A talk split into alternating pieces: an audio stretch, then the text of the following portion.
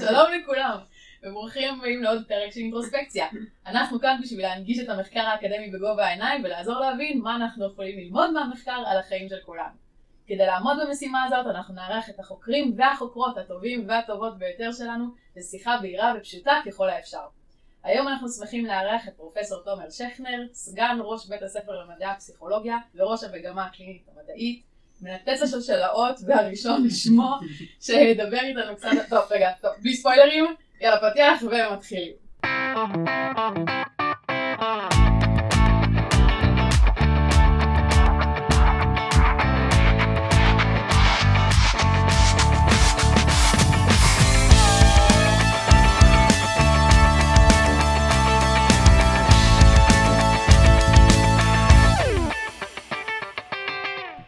באמת לפני שנצלול פנימה לתוך הפרק שלנו, אנחנו רוצים להקריא קטע קצר מתוך ספר אה, שלדעתנו הוא חובה בכל בית, של מוריס סנדק, ארץ יצורי הפרא.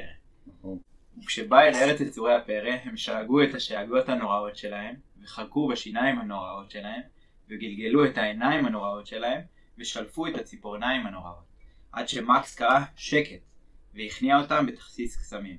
הוא הביט ישר לתוך העיניים הצהובות שלהם, בלי למצמץ אפילו פעם אחת. והם נבהלו נורא וקראו לו יצור הפרא הכי הכי הכי פראי. אני מת על הספר הזה ממש. אמ, אבל באמת שמענו קטע קלאסי שבו יש מפלצות שמאיימות ומקס משתלט על הפחד שלו ואפילו משקיט אותו ומסתכל לו ישר בצהוב של העיניים. הבאנו אותו כי לראות מפלצות זו חוויה שיכולה להיות באמת מפחידה בגלל שהיא מאיימת עלינו ועל שלמות הגוף בצורה ממשית. או שאנחנו מרגישים שהיא מתעניינת. נכון. אה, רגע לפני שניתן דוגמאות לפחד מהחיים האמיתיים, ותומר אולי אתה באמת גם תעזור לנו בזה, נראה לנו שהשאלה המתבקשת היא אם זה פחד, אם לראות מפלצות אה, כמו שמקס ראה זה פחד, אז מה, זה, אז מה זאת חרדה? אה, אם זה אותו הדבר ומה ההבדל ביניהם. טוב, קודם כל לפני שאנחנו מתחילים, כיף שבאתם, אני מאוד שמח על, ה, על הפרויקט ועל ההזדמנות. אז באמת זה שני מושגים מאוד חשובים שכדאי שנתחיל את, ה, את הפודקאסט איתם. אז פחד זה איזה רגש אה, מאוד בסיסי, ראשוני, שהמטרה שלו האבולוציונית היא להזהיר אותנו מפני אה, סכנות, ובעצם להכין אותנו להגיב לדברים שעשויים לאיים עלינו. בדרך כלל אנחנו רואים את ה... או חושבים על פחד בתור איזה רגש מאוד בסיסי וראשוני שמתפתח בשלבים מאוד מאוד מוקדמים בחיים שלנו ובאופן כללי יש אה, איזה מין חלוקה כזאת שאומרת שיש אה, פחדים שהם אה, פחדים innate, מין פחדים מולדים כאלה שמתפתחים באיזה אופן טבועים בנו? כן, שטבועים בנו, ש... כן, אנחנו פתאום באיזשהו שלב בשנה הראשונה לחיים שלנו מתחילים לפחד מפרצופים לא מוכרים. לא בהכרח כי קרה לנו משהו, אלא כי אנחנו מתחילים לזהות מה טוב ומה פחות טוב, מה יכול להיות סכנה, ומתחילים להגיב באופן דיפרנציאלי, כן, זה פחד מזרים. באיזשהו אה, גיל קצת יותר מאוחר כזה, באזור גיל אה, לקראת שנתיים, פתאום אנחנו מתחילים לפחד מגובה. ומבינים שזה בלי בהכרח שנפלנו והתרסקנו. ו... אז יש את, ה, את הפחדים האלה שמתפתחים באופן טבעי, ויש גם את הפחדים האחרים שהם הפחדים היותר נלמדים. Okay, שגם החוויה האישית שלנו וגם אה, זה, אבל מה שברור זה שזה זה רגש מאוד אה, מוקדם וראשוני, שהתפקיד שלו הוא תפקיד אדפטיבי וחשוב.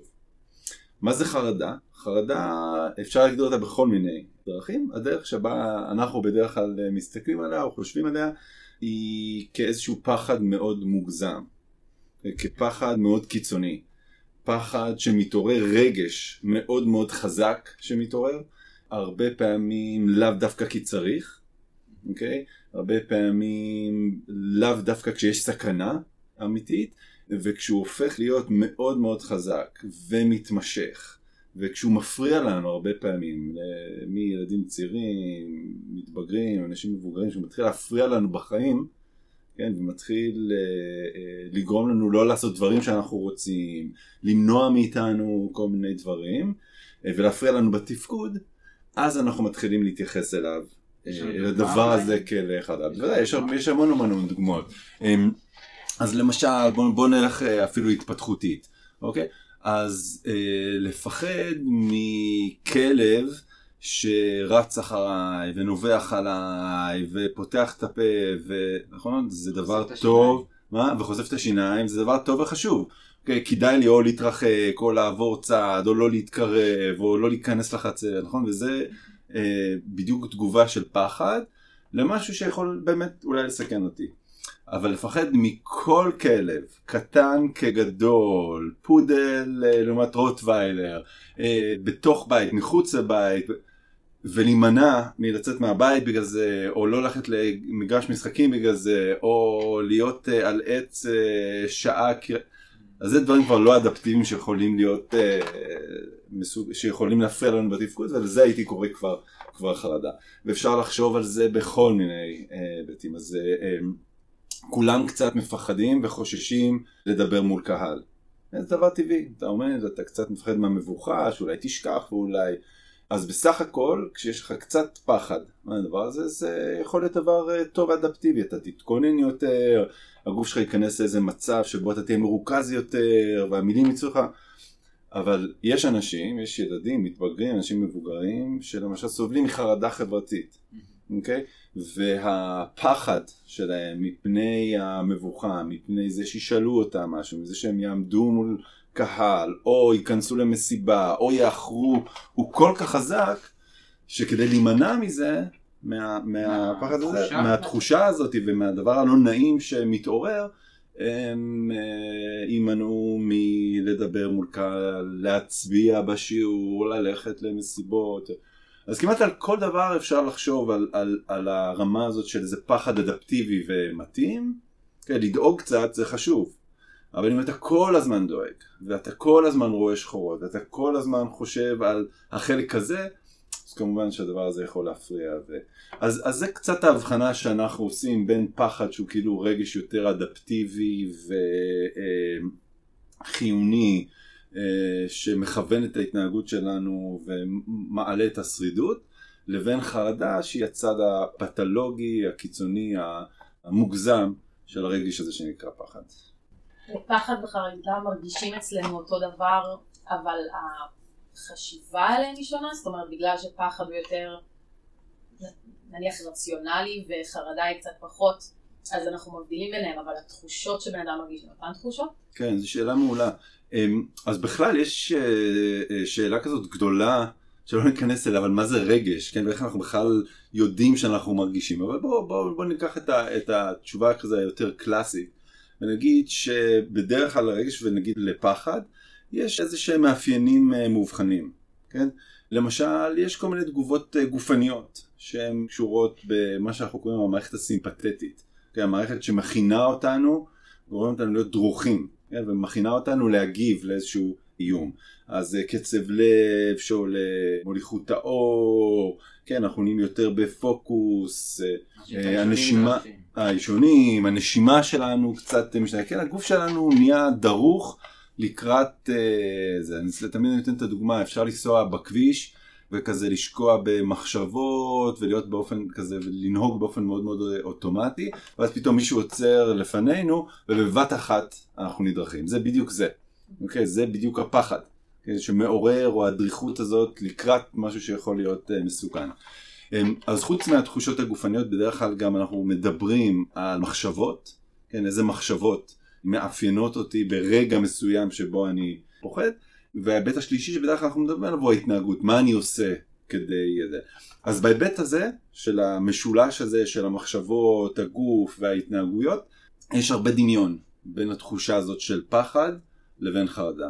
ההבדל הוא בדרך כלל בזה שרגע אחרי שאני נתקל בסכנה ואני רואה אוקיי התנועה ממשיכה והברקס הזה שמישהו שם לפניי היה לשווא אז אני מיד חוזר למצב תקין, הגוף שלי נרגע, המחשבות שלי חוזרות אה, לנדוד ולחשוב על הדברים האחרים וזה בדיוק התגובה האדפטיבית הזאת של לפחד ממשהו, להגיב, להימנע או, או לפעול ולהמשיך הלאה. בחרדה הרבה פעמים התחושה הגופנית הזאת תהיה ממושכת המחשבות השליליות האלה והחרדתיות אה, יהיה לנו קשה קצת להיפטר מהן אה, וההתנהגויות שמאפיינות אותנו הרבה פעמים כדי להימנע וכדי לא להרגיש את הדבר הזה יהיו התנהגויות פחות מתמודדות ויותר נמנעות. שיוצרות איזה מעגל כזה. וכמובן שהדבר הזה הוא יוצר אה, איזשהו מעגל, נכון. זאת אומרת, כשאנחנו חושבים קצת, אה, תראו, חלק מהמחקר שלי כאילו עוסק בשאלות ההתפתחותיות של איך מתפתחת חרדה. אז עכשיו הסברנו קצת ההבדל בין פחד לבין חרדה, אבל הדברים שיותר מעניינים אותי, או חלק מהדברים שמעניינים אותי, זה איך הדבר הזה מתפתח. זאת אומרת, כמו שתיארת עכשיו נניח אה, את המהלך, איך מתפתחת חרדה, או ספציפית איך המחשבות וההתנהגות נשמרים, והמעגל קסמים הזה נשמר בגלל ההימנעות, Mm-hmm. איך הוא קורה מהנקודה הראשונה שעלינו לרכב והיה לנו את התאונה הראשונית. אה, כאילו, מה- היה האירוע הראשוני שגרם לנו להתחיל לעשות את המעגל הזה, או איך מתפתחת חרדה, בפעם ראשונה שאנחנו פוגשים את הפחד, אולי. מהמם. אז קודם כל, בעצם מה שאתה אומר, מה שהתחלתי להגיד קודם, זה אחת השאלות המרכזיות שמעניינות אותי במחקר ובמעבדה, והשאלה הזאת בעצם עוסקת במהם הגורמים, כן, הסביבתיים, האישיותיים, המוחיים, הביולוגיים, החברתיים, הקוגנטיביים ועוד ועוד ועוד ועוד ועוד, שמשנים את המסלול ההתפתחותי ממצב של פחד תקין, נורמטיבי, אדפטיבי, לאיזה משהו אחר שהופך להיות uh, פתולוגי. אז, אז זאת השאלה. עכשיו אתה נתת בדוגמה שלך עכשיו, um, שאלת שאלה לגבי מקרה ספציפי, מה קורה אם אני נכנס לרכב ועובר, עכשיו יש מקרים כאלה, ו, וחלק מהחרדות והפחדים שלי הם, הם קשורים באמת בהתנסות אישית, אבל כמו שאמרנו בהתחלה, זה לא תמיד ככה. הרבה אנשים שיש להם פוביה מכלבים, מעולם לא עשה להם שום דבר uh, אף כלב. יש אנשים שיש להם חרדה חברתית, בלי שבהכרח עברו איזה אירוע, לפעמים זה קורה, אבל, אבל לא תמיד. אז, אז אפילו מרחיב עוד יותר את השאלה הזאת של מה קורה, איך אנחנו יכולים להבחין בין ילדים, מתבגרים ואנשים מבוגרים, בהיבט הזה של הגורמים שיובילו חלק מהאנשים פשוט uh, לפתח פחד uh, טבעי, וטבעי ונורמטיבי ואדפטיבי, לעומת האנשים ש... יפתחו איזה פחד מאוד מאוד קיצוני וחזק ומשתמר בצורה של, של חרדה. באמת רגע לפני שנצלול למה שאתה עושה אצלך במעבדה ולמחקר והכל, אז נראה לי זאת הזדמנות טובה קודם כל לעצור ולהודות לך שהצטרפת אלינו. בטח. וממש ממש כיף שאתה פה וכיף לארח אותך. ואם כיף כבר... להתארח אצלכם. יש. אנחנו מתארחים אצלך. לא רציתי להגיד כי לא רואים, לא בדיוק רואים, אבל אמרתי בסדר, אתם רוצים בפודקאסט, נכון, הפודקאסט הוא וירטואלי, מקום ההקלטה הוא פחות חשוב. האמת שזה אחלה setting, אתם לא רואים, אבל אנחנו התלהבנו מקודם על המשרד ממש, נשאיר את זה לדמיון שלכם. אבל כן, נשמח כזה לפני שנצלול קצת למחקר ולמה שאתה עושה אצלך במעבדה, קצת בכלל איך הגעת לתחום הזה, הדרך שלך בעולם הפסיכולוגיה. אז אני חושב שהדרך שלי בעולם הפסיכולוגיה, אז אני בעצם למדתי, עשיתי פסיכולוגיה קלינית בהתמחות בילדים, זאת אומרת פסיכולוגיה קלינית של הילד, זה היה התואר השני שלי, ומיד אחר כך המשכתי לעשות דוקטורט. אז סיימתי את ה-MA ואז עשיתי דוקטורט באוניברסיטת תל אביב במגמה הקלינית של הילד והגעתי דווקא לקלינית ילד, אני חייב להגיד, די במקרה. כשהתחלתי ללמוד היו רק חמש או שש תוכניות של פסיכולוגיה קלינית, זה היה רק באוניברסיטאות, לא היה אז את התוכניות במכללה. וכשעשיתי כזה את היום הימים פתוחים, פשוט נתקלתי ממש במקרה, אפילו לא הייתי אמור להיכנס, אבל חיכיתי שיהיה את השעה של הטווח החיים או של הקלינית מבוגר. ואמרתי בינתיים אני אסתכל ואני אראה מה מלמדים בילד, ומאוד התלהבתי בעיקר מהסגל ומהצוות ההוראה. זה היה אז באוניברסיטת תל אביב, במגמה הקלינית של הילד, והחלטתי שזה המקום שאני נרשם אליו, היחיד שאני נרשם אליו לילד, בכל המקומות האחרים נרשמתי למבוגר, לא היה לי כל כך ניסיון עם ילדים, ו... והתקבלתי לשם, והתחלתי ללמוד, וזה היה כזה מאוד דברים שהתגלגלו, ו... ועשיתי תזה, ואז המשכתי לעשות דוקטורט, ו... והתחלתי מאוד להתעניין, ומאוד כזה to get into. גם המחקר ההתפתחותי וההסתכלות ההתפתחותית ולהבין תהליכים שהם לא רק ה-end result, שהם לא רק הפנומנולוגיה, כן, שהם רק התיאורים והתופעות, אלא מה קורה בדרך ואיזה דברים, ובמקביל התחלתי לעשות את העבודה, במקביל לדוקטורט עשיתי התמחות, את העבודה הקלינית, וגם שם, אני אומר לכם, זה היה שלושת רבעי במקרה, אה, עשיתי התמחות במסגרת המרפאה הפסיכולוגית בבית חולים שניידר, אה, ובכלל יותר התעניינתי בדיכאון. ובאתי ואמרתי, אני רוצה לעבוד במרפאת דיכאון אה, בילדים, ולא כל כך היה מקום. אמרו לי, תקשיב, אין דיכאון, אבל אפשר חרדה. אמרתי, בסדר, בוא נעשה... וככה התחלתי לעבוד עם uh, חרדה, ועם ילדים עם הפרעות חרדה, ולאט לאט uh, ככה מצאתי את עצמי יותר ויותר uh, מתעניין גם בהפרעות חרדה, וגם בהיבטים התפתחותיים. סיימתי את הדוקטורט, שבכלל היה בנושא אחר, הדוקטורט שלי הוא, אז, הוא בכלל בנושא אחר לגמרי, הוא קשור בהתפתחות מגדר. ובאיך, הוא גם, הוא מחקר יותר התפתחותי במובן הזה שהוא שואל שאלות uh, קלאסיות התפתחותיות של איך ילדים מפתחים uh, uh, את uh, זהות המגדר שלהם או את התפקידים המגדריים שלהם. אמ, אבל יחד עם השילוב של העבודה הקלינית בעצם התחלתי מאוד להתעניין בהיבטים האלה של, אה, של אה, חרדה. אמ, ואז עשיתי אה, פוסט דוקטורט uh, כזה בדרך לפוסט דוקטורט, עשיתי פוסט דוקטורט כאן בארץ, בדרך לפוסט דוקטורט יותר רחב בחו"ל, שהתעסק בעיקר ושהתעניין בעיקר בהיבטים מוחיים, פיזיולוגיים, יותר נורוסיינס, הייתי אומר, של היבטים התפתחותיים של הפרעות חרדה. אז ככה כזה בעצם די הגעתי לזה. כן, אתה אומר די במקרה, אבל עכשיו אתה... ועכשיו, כן, לא, זה, אז אתם יודעים, זה היה חלק מהמסורת, אני חושב ש... אני אומר את זה גם הרבה פעמים לסטודנטים, אני חושב שכשאתה סקרן, ואתה כזה מתעניין בכל מיני היבטים שונים, אז כאילו יש כל מיני דברים שקורים בחיים, וכל מיני הזדמנויות, ואתה, אם אתה נענה להם, אז קורים כל מיני דברים, ועכשיו אני בעצם באוניברסיטת חיפה מ-2013, שבע שנים, עוד מעט שמונה שנים, והייתי אומר שזה הדבר העיקרי שאנחנו עושים אה, במערכת, זאת אומרת אנחנו עכשיו אה, חוקרים אה, היבטים שונים שקשורים להתפתחות של פחד ושל חרדה אצל ילדים ומתבגרים. אז אם באמת נמשיך לשאלה המתבקשת הבאה היא, מה זה חרדה אצל ילדים, איך היא מתפתחת? זה כמה שאלות. כן, כן, כן, כן. לא, אז, אז אני חושב שכן, זה שאלות אה, מאוד חשובות אה, איך אה, זה, אז, אז אתם יודעים, מה שמעניין זה שאפשר לדבר על כל מיני רגשות ועל רגשות מורכבים ועל, יש משהו בפחד גם שהוא רגש שמתפתח מאוד מוקדם. Okay, אוקיי? זאת אומרת, אפשר כבר לראות אותו. בתגובות ואצל אה, ילדים יותר צעירים, כן, אפילו עוד לפני שנה, מתחילים פחות או יותר בגיל שנה. אמ, המערכות המוחיות שקשורות לזה are in place, כן, המערכות האלה, וברור שזה רגע שהמטרה שלו היא, היא לשמר אה, שרידות ואדפטציה, לכן הוא, הוא מתפתח מאוד מוקדם. אמ, ולכן בעצם אפשר לדבר על הדברים האלה מגילאים מאוד מאוד צעירים, זה דבר אחד. הדבר שני, נתת דוגמה בתחילת הפודקאסט על המפלצות, אוקיי? אמ, אז הנה עוד איזה היבט התפתחותי מעניין. ילד בן 4 או 5 שמפחד ממפלצות אה, בארון או בלילה, זה, זה דבר התפתחותי נורמטיבי.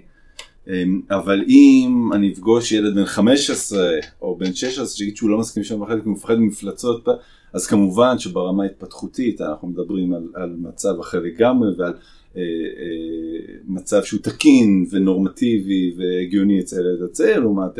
אז יש כל מיני היבטים התפתחותיים כאלה שאנחנו צריכים לקחת בחשבון. עוד דוגמה, אה, אנחנו יודעים שלמשל בגיל ההתבגרות ה peer group והחברים והמעמד החברתי שהופך להיות אה, אתגר פסיכולוגי התפתחותי מרכזי.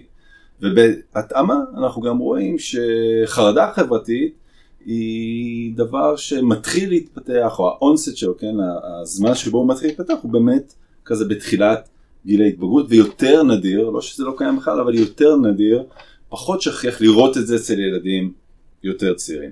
אז יש כל מיני היבטים התפתחותיים שצריך לקחת אותם בחשבון, אמ, ושאתם יודעים, קורים המון דברים במהלך הינקות, במהלך הילדות, במהלך גיל ההתבגרות. לא שזה לא נמשך כל החיים, אבל שינויים דרמטיים מאוד מאוד מאוד קורים ב-18, 20, 25 שנים הראשונות לחיים שלנו.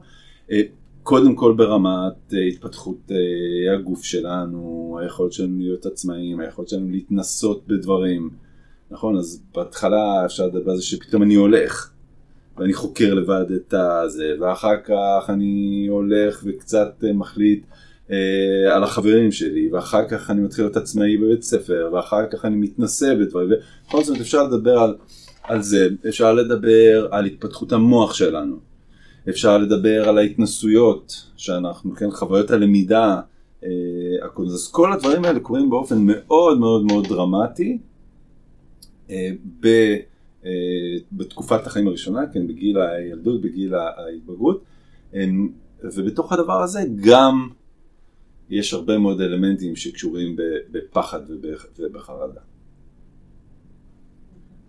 קצת הייתה לי שאלה של איך אנחנו יודעים, או מי מחליט, אני לא יודעת איך לנסח את זה, אבל מי, מי מחליט באיזה שלב זה נורמלי או לא נורמלי? כאילו, כן. בגיל 4 אמרנו שלפחד ממפלצות זה סביר, ובגיל 15 זה לא. ומצד אחד זה נשמע הגיוני, שלפחד בגיל 15 ממפלצות זה קצת חריג. אמ, אבל אני אומרת, באיזה שלב אנחנו יודעים בדיוק, כאילו איפה המעבר הזה של פתאום אני כבר לא ילד ופתאום כבר לא סבבה לפחד. כן. שאלה מעולה. אמ, אז אה, ספוילר, אין אף אחד שיכול להגיד בדיוק, כן? שזה, והדברים האלה הם אה, דברים מאוד uh, שרירותיים. Um, וזה בכלל, זו שאלה יותר רחבה, כן? על מה זה פחד ומה זה חרדה. אז כאילו קודם הגדרנו את זה כאילו באופן נורא דידקטי, ואמרתי זה מוגזם, ומה זה מוגזם? לעבור את הכביש בגיל כזה, לפחד לעבור את הכביש זה מוגזם או לא מוגזם? כי אם אתה נורא מפחד אז אתה מאוד תיזהר, או... נכון, זאת אומרת, אז בכלל השאלה הזאת היא, על ה... היא שאלה... שאלה של הגדרות. היא שאלה של הגדרות, היא שאלה מאוד מורכבת, כן? אין לנו דרך מאוד זה.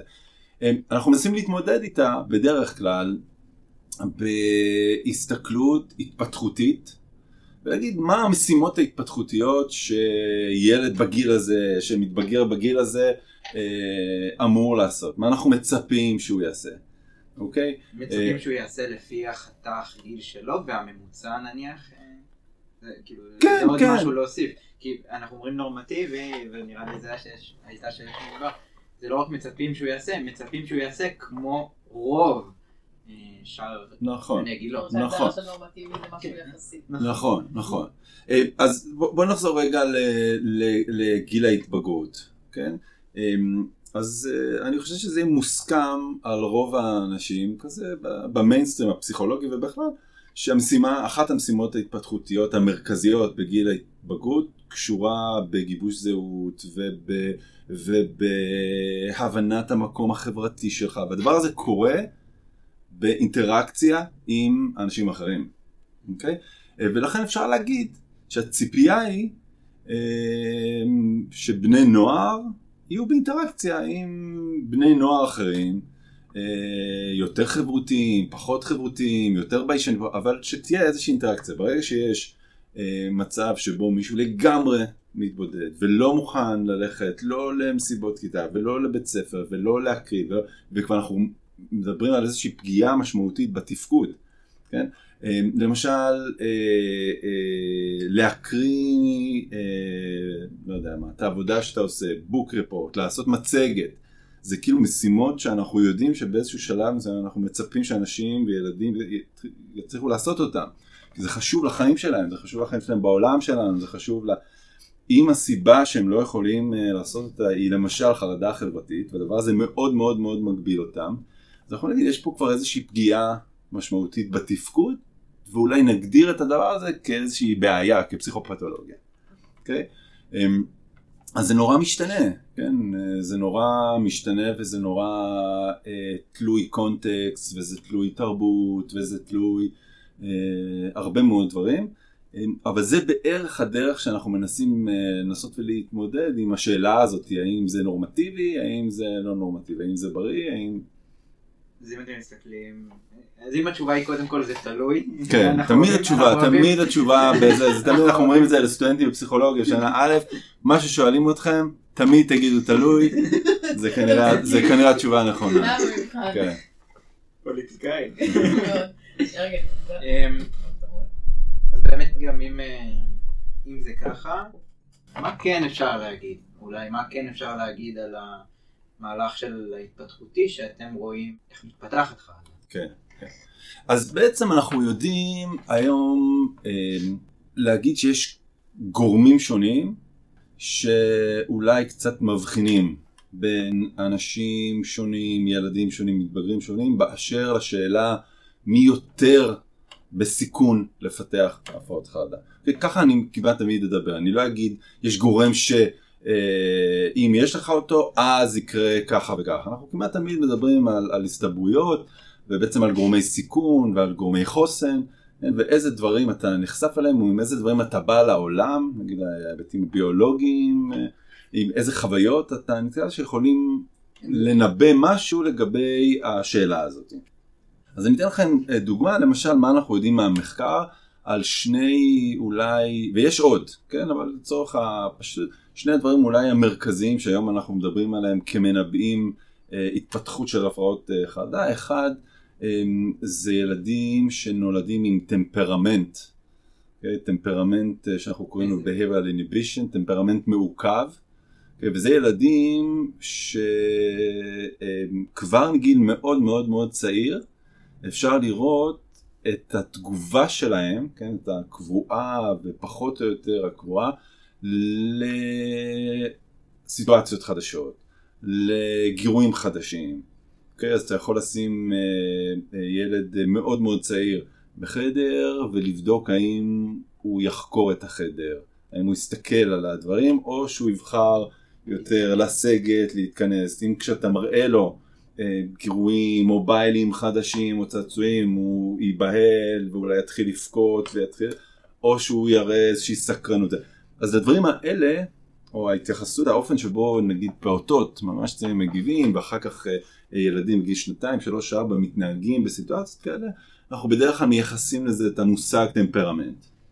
אז אנחנו יודעים היום, ויש על זה כבר הרבה מאוד uh, מחקר, שילדים עם טמפרמנט מעוכב כזה, אה, שגם אחר כך אה, מקבל קצת צורה של ביישנות. כן? זאת אומרת, אם אנחנו רוצים איזה מושג קצת יותר uh, שאנשים מבינים, אז אנחנו רואים כאילו ביישנות, איזו התנהגות מעוכבת כזאת, um, שהדבר הזה, הטמפרמנט הזה המולד הוא ב...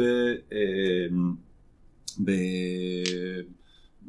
אנחנו חושבים עליו כאיזשהו risk factor, כאיזשהו גורם סיכון להתפתחות של הפרעות חרדה אצל ילדים ובעיקר אצל, אה, אצל מתבגרים. ואנחנו רואים את זה בהקשר הזה של behavioral inhibition, בהקשר הזה של ביישנות, בעיקר סביב האלמנטים החברתיים. אז זה למשל גורם אחד שהוא גורם יותר נגיד מולד, ביולוגי, מוקדם.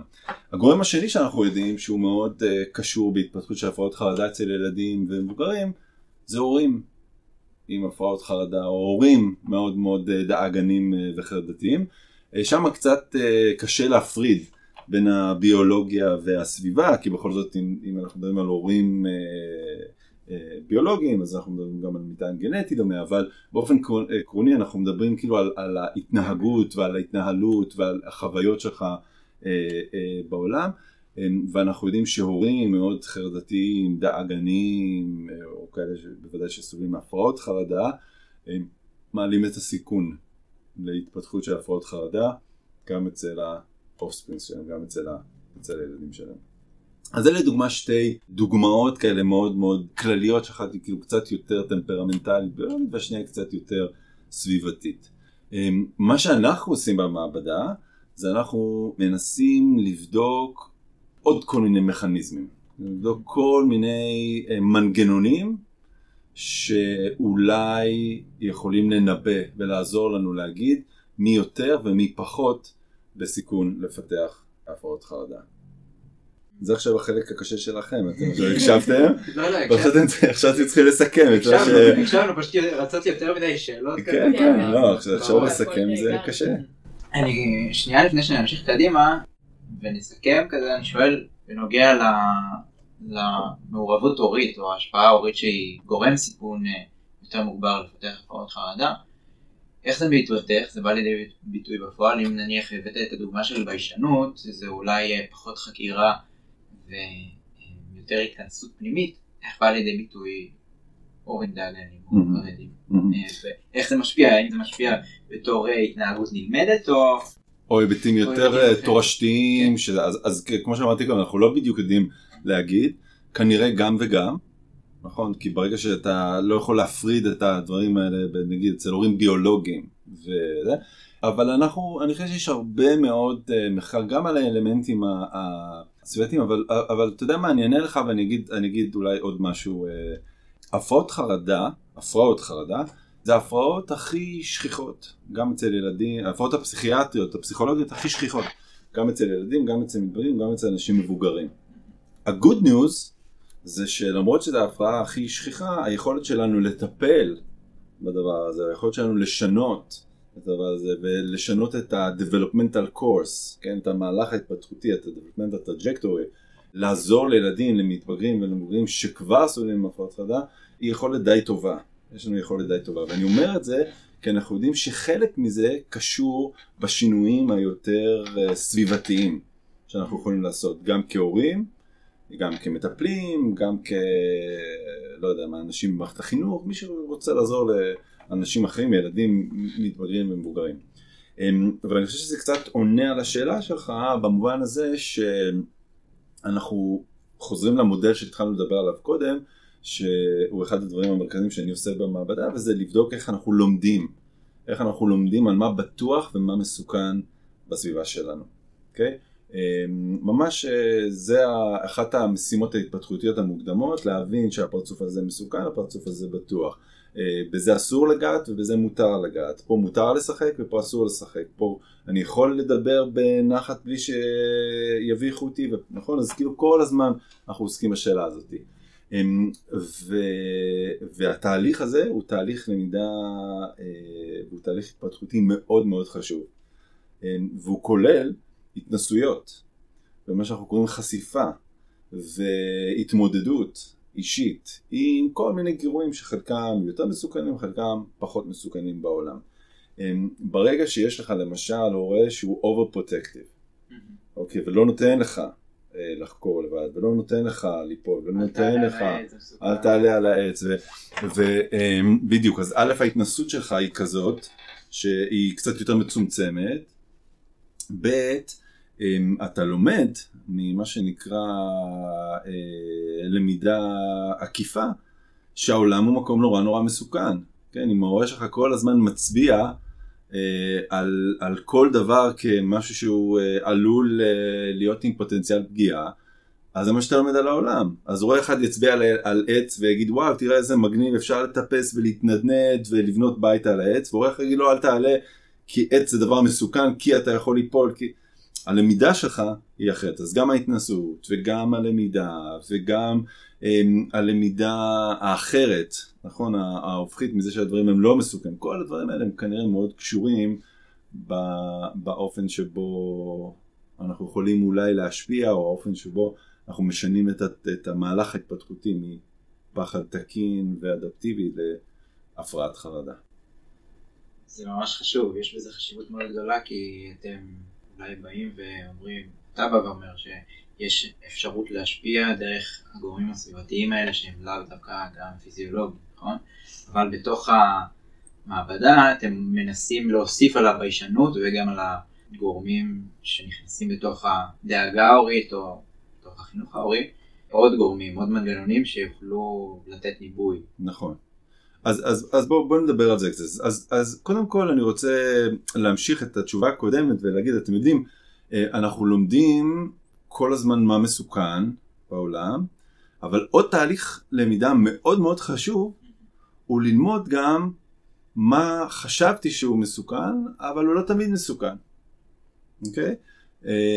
במילים אחרות, את התהליך למידה ההפוך. כן?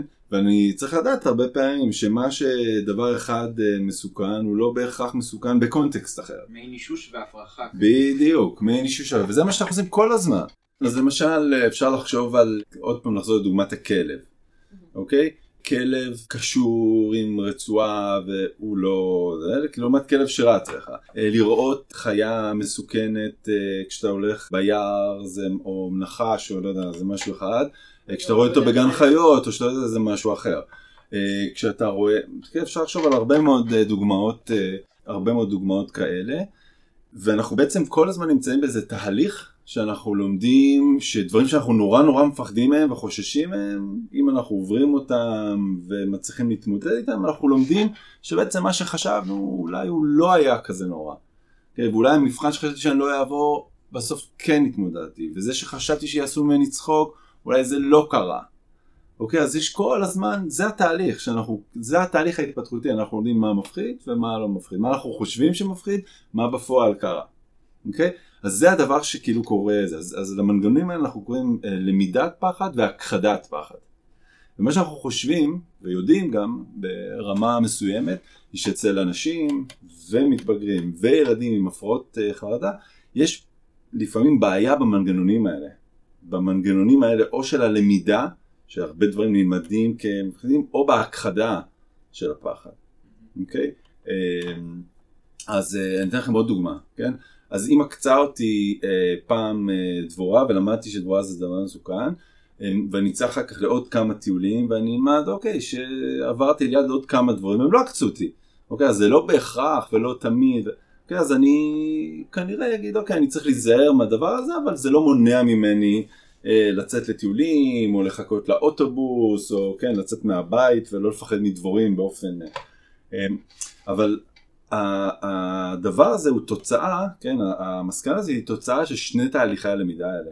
שתהליך הלמידה של אה, להבין מה מסוכן ומה מפחיד ומה יכול לפגוע בי, והתהליך השני של מה פחות, או איך הדבר הזה בקונטקסט מסוים הוא פחות. עוד תהליך שנורא קשור לדבר הזה הוא תהליך של הכללה, אוקיי? אז אתם יודעים, אנחנו לא, כמו שדיברנו מקודם, אנחנו לא מתנסים בחוויות הוורס... אנחנו לא לומדים שהעולם מסוכן רק מזה שהתנסינו בכל הדברים המסוכנים, כמובן שלא. אוקיי, אז אני נכווה אה, כי נגעתי בגז או במחבת, לא משנה, ולמדתי שמשהו חם, אז עכשיו אני נזהר מאש, ואני נזהר מהמדורה, ואני נזהר ממצית, נכון? אני עושה הכללה של הדבר הזה שלמדתי, וההכללה הזאת היא טובה. אוקיי, ועוד פעם היא מאוד מאוד אדפטיבית, אבל כשאני עושה אובר הכללה, שאני עושה יותר מדי הכללה, מה שנקרא over generalization, אז אני מתחיל לחשוב על, אה, מצ... או אז אני יכול להגיע למצבים שבהם אני לא אלך למדורה כי... בדיוק. או, או אני מכליל עכשיו את הפחד שלי מהכלב אה, רוטוויילר שאולי יפחיד אותי כי נבח עליי, לכל דבר שנראה כמו כלב. לכל דבר שהולך על ארבע עם פרווה, אז אפשר לחשוב כל מיני אה, הכללות. אז גם זה עוד תהליך נורא נורא נורא חשוב. איך אני מבחין במה דומה, ודומה יכול להיות דומה פרספטואלית, דומה פיזית, יכול להיות דומה אה, קטגוריאלית. אני יכול להבחין בין שני הכלבים, אבל אני יודע שהם שניהם תחת הקטגוריה שנקראת כלב. אז כל השאלות האלה של ליקויים במנגנון אה, למידה, הכחדה, ג'נרליזיישן, כל הדברים האלה אנחנו בעצם מנסים ללמוד במסגרת המעבדה. שנייה לפני ש... בא לי לעשות סיכומון רגע לפני שאנחנו צועלים, אבל לפני הסיכומון... אה, בואי נעשה סיכומון של לפני הסיכומון. אה, פשוט שזה משהו קטן, כי התחלת להגיד חרדה, ואז פתאום הדגשת הפרעת חרדה. אז אם יש הבדל בין חרדה להפרעת חרדה, זה שני דברים שונים, שכל חרדה היא הפרעה. אז עוד פעם, זה חוזר למה שדיברנו בהתחלה, זה ממש עניין של הגדרות. בשבילי, כשאני מדבר על חרדה, אה, אני מדבר בדרך כלל על הפרעת חרדה. אה, לא כולם, ולא זה נכון, אז כאילו תמיד מדברים על זה שלפעמים חרדה ברמה מסוימת היא, אז אני אקרא לזה פחד, או כזה רמה גבוהה יחסית של פחד, התכוננות, התרגשות, אבל כשאני מדבר על חרדה, עכשיו במיוחד אני מדבר בדרך כלל על, על הפסיכופתולוגיה, על, בדיוק, על המצב הקיצוני שהפחד שלך הוא כאילו יוצא משליטה. רק כדי לעטוף את זה, כדי שיהיה לנו את הכל עכשיו בראש, כי קשה להחזיק את כל ה... כן, דיברנו כן, על המון המון כן, דברים. כן. אז באמת התחלנו בכלל לדבר מה ההבדל בין פחד לחרדה, ואמרנו שפחד הוא משהו שהוא יותר אדפטיבי, יותר uh, רגיל, דברים שבאמת מסוכנים לנו, וככה צריך להיות דרוכים אליהם. Mm-hmm. לעומת חרדה, שזה יכול להיות משהו שאולי התחיל כפחד, או משהו שנראה לנו קצת לא נעים והכל, אבל לאט לאט בכל מיני דרכים אנחנו מפתחים איזושהי הימנעות מאוד קיצונית ממנו, ושאולי משהו שפוגע לנו גם בתפקוד הרגיל בחיים, ודיברנו על זה שזה יכול, שאנחנו יכולים ללמוד חרדה ויש לזה כל מיני גורמים חלק מזה באים ביולוגית וחלק מהם מאוד נלמדים מהסביבה שלנו, עם נכון. ההורים שלנו למשל, אה, כל הזמן יגידו לנו שהכל מסוכן, אז יכול להיות שלאט לאט נחשוב שהעולם עצמו מסוכן וכדאי להימנע מהמון המון דברים, וזה באמת יעורר את החרדה הזאת. אה, זה באמת יעור- יעורר את החרדה הזאת, ו- ואמרנו שהחרדה הזאת יכולה להיות, זאת אומרת, להילמד מכל מיני דברים, אנחנו יכולים ללמוד חרדה, אנחנו יכולים... אה, להכליל אותה כן. אפילו. וגם, וגם כאילו אולי מנגנונים שאנחנו אומרים שאנחנו לא מתנסים בהם. אה, כמו שאמרת שיש את ההתנסות ויש את החוסר התנסות בדברים שלאו דווקא מסכנים אותי או יכולים לגרום לי אה, לאיזושהי פגיעה. ואיך זה נראה אולי בתוך המנגנונים אה, המוחיים שאתם מחפשים בתוך המעבדה. כלומר, אם אנחנו מדברים על הכללה כאיזשהו תהליך פסיכולוגי, איך הוא בא לידי ביטוי אצלנו בתוך הקופסה, בתוך מהמם. הווסטה. ברשותך אולי נלך שלב אחד רק אחורה. לפני שנדבר על הכללה, אוקיי. אז בואו נסתכל על שני הדברים האלה שאמרתי לכם, אה, שדיברנו עליהם עכשיו לגבי אה, הפחד והכחדת הפחד.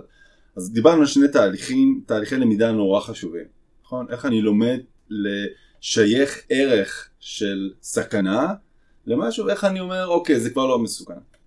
אז קודם כל אפשר להסתכל על הדבר הזה, ממש אני עושה את זה בצורה מאוד מאוד מאוד אה, כללית, אה, על אה, מקומות שונים או על אזורים שונים במוח. כן, אז יש את החלקים היותר לימביים, בסיסיים, ותיקים, ארכאיים, תרצו שהם הרדאר שלנו לגבי סכנה. כן, אחד האזורים המרכזיים נקרא אמיגדלה, שזה צבר של גרעינים, שהוא כל הזמן נותן לנו את ה... את האותות האלה של אה, מה מסוכן וכמה זה מסוכן ותיזהר ותיזהר וגורם לדריכות אה, בגוף וכך הלאה. אה, ומצד שני יש חלקים אחרים, למשל גם כן בצורה מאוד מאוד כללית והחלקים הקדמיים של המוח, כן, החלקים הפרונטליים של המוח שבעצם עושים את האיניביציה ואומרים לאמיגדלה אוקיי שקט, אין צורך, זה עברה הסכנה, נכון היה מישהו שנתן ברקס לפניי אבל הנה התנועה הסתדרה בואו נחזיר את הגוף. אז אפשר לדבר, למשל להעביר את, ה, את, ה, את המושגים שדיברנו עליהם מלמידה, סוג למידה כזה, למשל לדבר על מעורבות של אזורים שונים במוח, ואז לבדוק בתוך סיטואציות מסוימות, בתוך משימות מסוימות, טסקים מסוימים שאנחנו עושים במעבדה, כמה האמיגדלה רגישה, כמה אה, פחות מדי רגיש החלק הפרונטלי. אפשר להסתכל היום על כל אחד מהחלקים האלה, אפשר להסתכל על הקשר בין החלקים האלה, על הקישוריות בין החלקים האלה, איך כשחלק אחד עובד, חלק שני לא עובד, איך שחלק אחד עובד, החלק הראשון עובד, אומרת, אפשר להסתכל על כל מיני היבטים ולהעביר את זה בעצם במידה רבה להסתכלות אה, יותר אה, פיזיולוגית. אוקיי? ולחפש בעצם מה שאנחנו קוראים את הפתופיזיולוגיה. את הפתולוגיות או את, ה, את הבעיות היותר גופניות, פיזיולוגיות, ביולוגיות, שקשורות למשל לתהליכי הלמידה האלה. אז זה למשל היבט אחד שאפשר להסתכל עליו. אמ, עכשיו לא חייבים להסתכל על המוח כ, כדבר מרכזי, אפשר להסתכל גם על מדדים אה, מוח, אה, אה, פריפריאליים, מדדים גופניים, למשל כמו הזעה, למשל יש כל מיני מדדים אחרים שהם אינדיקציה לזה שהמערכת הזאת שלנו, המערכת הסימפתטית, המערכת הזאת שמכינה אותנו לתגובה לאיום, אה, אכן עובדת, האם היא מעוררת מדי, האם היא כבויה מדי, האם משהו ש... כן, אז כל הדברים האלה בעצם הם, הם דברים שמאפשרים לנו לעשות מה, שאני, מה שאנחנו קוראים הסתכלות מכניסטית, כן? מנגנונית על דברים שיכולים להתקלקל בדרך. בסדר, זה כאילו הסתכלות מאוד אה, באיזה מודל, אה, ש... כן, מודל מכניסטי, שאומר זה לא שעכשיו סתם אנשים מפחדים, אוקיי? או שאנשים, אה, למה מישהו הופך, אה, משנה את המהלך ההתפתחותי שלו מפחד תקין לחרדה, כי יש משהו במנגנון שקשור בתפיסת האיום, בלמידת האיום, בהכחדת האיום, בהחל... אוקיי? בהיבט הקוגנטיבי או בהיבט הפיזיולוגי או בכל היבט אחר שאפשר לראות אותו, להסתכל עליו, למדוד אותו ולהגיד הנה תראו זה סיכון אה, שכנראה קשור ב... בשינוי הזה במערכת. אז זה מה שאנחנו מנסים מאוד uh, לעשות. ואיך בודקים דבר כזה באמת? אז אנחנו, אז אתם יודעים, ככל שמתחילים להסתכל על מחקר במעבדה, אז המחקר הולך ונהיה מצומצם יותר. כן, אתה כאילו מצומצם במובן הזה שאתה מסתכל על דברים, אה, או חלק מהדברים שאנחנו מסתכלים עליהם, כאילו דברים מאוד לעומק, אתה לוקח איזשהו מנגנון מסוים ומנסה ללמוד ולהבין כמה שאפשר אה, כזה לעומק, אבל מצומצם. כן, אה, גורם אחד, שאי אפשר לתפעל אותו, ואפשר לעשות כל הדברים שאנחנו עושים במחקר. אז אני אתן לכם דוגמה. דיברתי מקודם על הילדים הביישניים. כן, אמרתי לכם, ביישנות היא גורם סיכון להתפתחות של הפרעות חרדה. אבל זה לא אומר שכל מי שהוא ביישן יפתח הפרעות חרדה. נכון? יש חלק שכן וחלק שלא. אז אנחנו למשל מנסים במחקר אחד שלנו, שהוא מחקר שמנסה לנבא את ההתפתחות של הפרעת חרדה, ללכת לילדים בגילאי 6 עד 8, שעוד אין להם הפרעת חרדה, אבל שמראים ביישנות מאוד uh, משמעותית. Okay? אוקיי? אז אנחנו מגייסים אותם לעבודה, ועושים להם כל מיני מטלות כאלה של למידת פחד והכחדת פחד. אז איך אנחנו עושים את זה במעבדה? יש לנו כל מיני שיטות.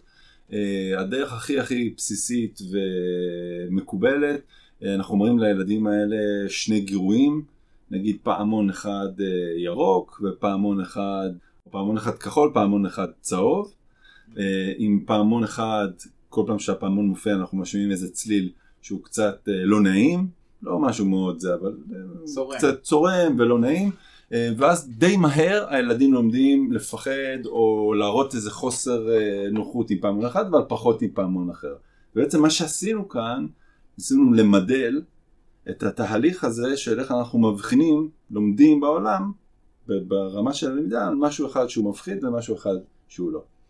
ואז מיד אחר כך, או שבוע אחר כך, או יומיים אחר כך, אנחנו עושים את התהליך ההפוך, את התהליך של ההכחדה. אנחנו מראים להם עוד הפעם את שני הפעמונים, אבל הפעם הם, אין להם שום, אה, אה, הם לא מחוברים לשום צליל או משהו לא נעים. זאת אומרת שעכשיו זה שהיה מחובר לצליל כבר לא... כבר לא, בדיוק, אז זה קצת מדמה את הדברים האלה שדיברנו עליהם מקודם, שהנה למדתי משהו מסוכן, ועכשיו למדתי שהדבר הזה הוא לא מסוכן, ואז מתחיל איזשהו מאבק אסוציאטיבי בין הדבר המסוכן לדבר הלא מסוכן. אז למשל כשאנחנו מסתכלים על זה, אנחנו מנסים לחפש אולי בעיות ביכולת שלהם להכחיד את הפחד. אנחנו יכולים להסתכל על היבטים מוחיים, איך המוח שלהם מגיב בסוף ההכחדה לגירוי אחד לעומת גירוי שני. אפשר להסתכל על זה בהדמיה, אפשר להסתכל על זה בהדמיה מסוג uh, EEG, כן, uh, רק לרשום uh, גלים, לא רק להסתכל על המבנה ולראות הבדלים במוח, ואז להתחיל לעקוב אחרי הילדים האלה, זה מה שאנחנו עושים במחקר אורך. לאורך זמן. לאורך זמן, ולעקוב אחרי מ-6 עד 8 ל-8 עד 10, ולהזמין אותם אחרי שנתיים ואחרי שנתיים ואחרי שנתיים.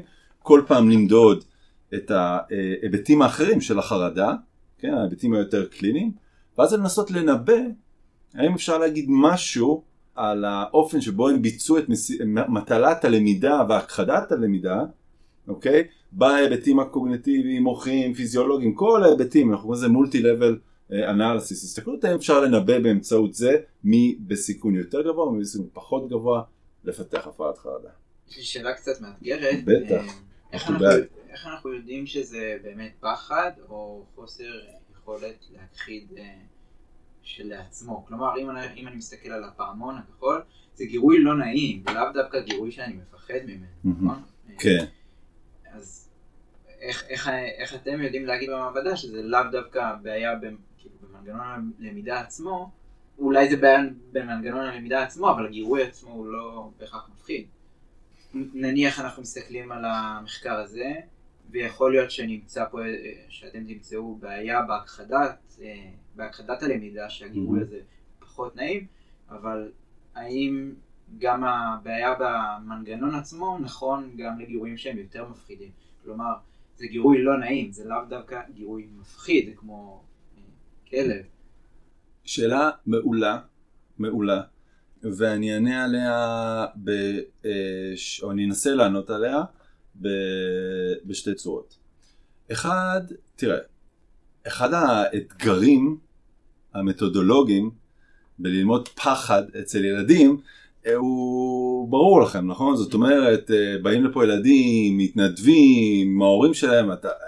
אי אפשר לגרוע, אנחנו צריכים לעשות את, לעורר פחד מצד אחד, אבל שהוא יהיה נסבל ושהוא יהיה, אה, לא יגרום שום נזק ושהם לא יצאו מפה עם איזו תחושה לא טובה, נכון? אז אנחנו כל הזמן עומדים, עובדים על הקו הזה, אה, או נעים על הקו הזה שבין לעורר פחד מצד אחד, אבל שזה יהיה נסבל ו-developmentally appropriate, כן, שמתאים ל...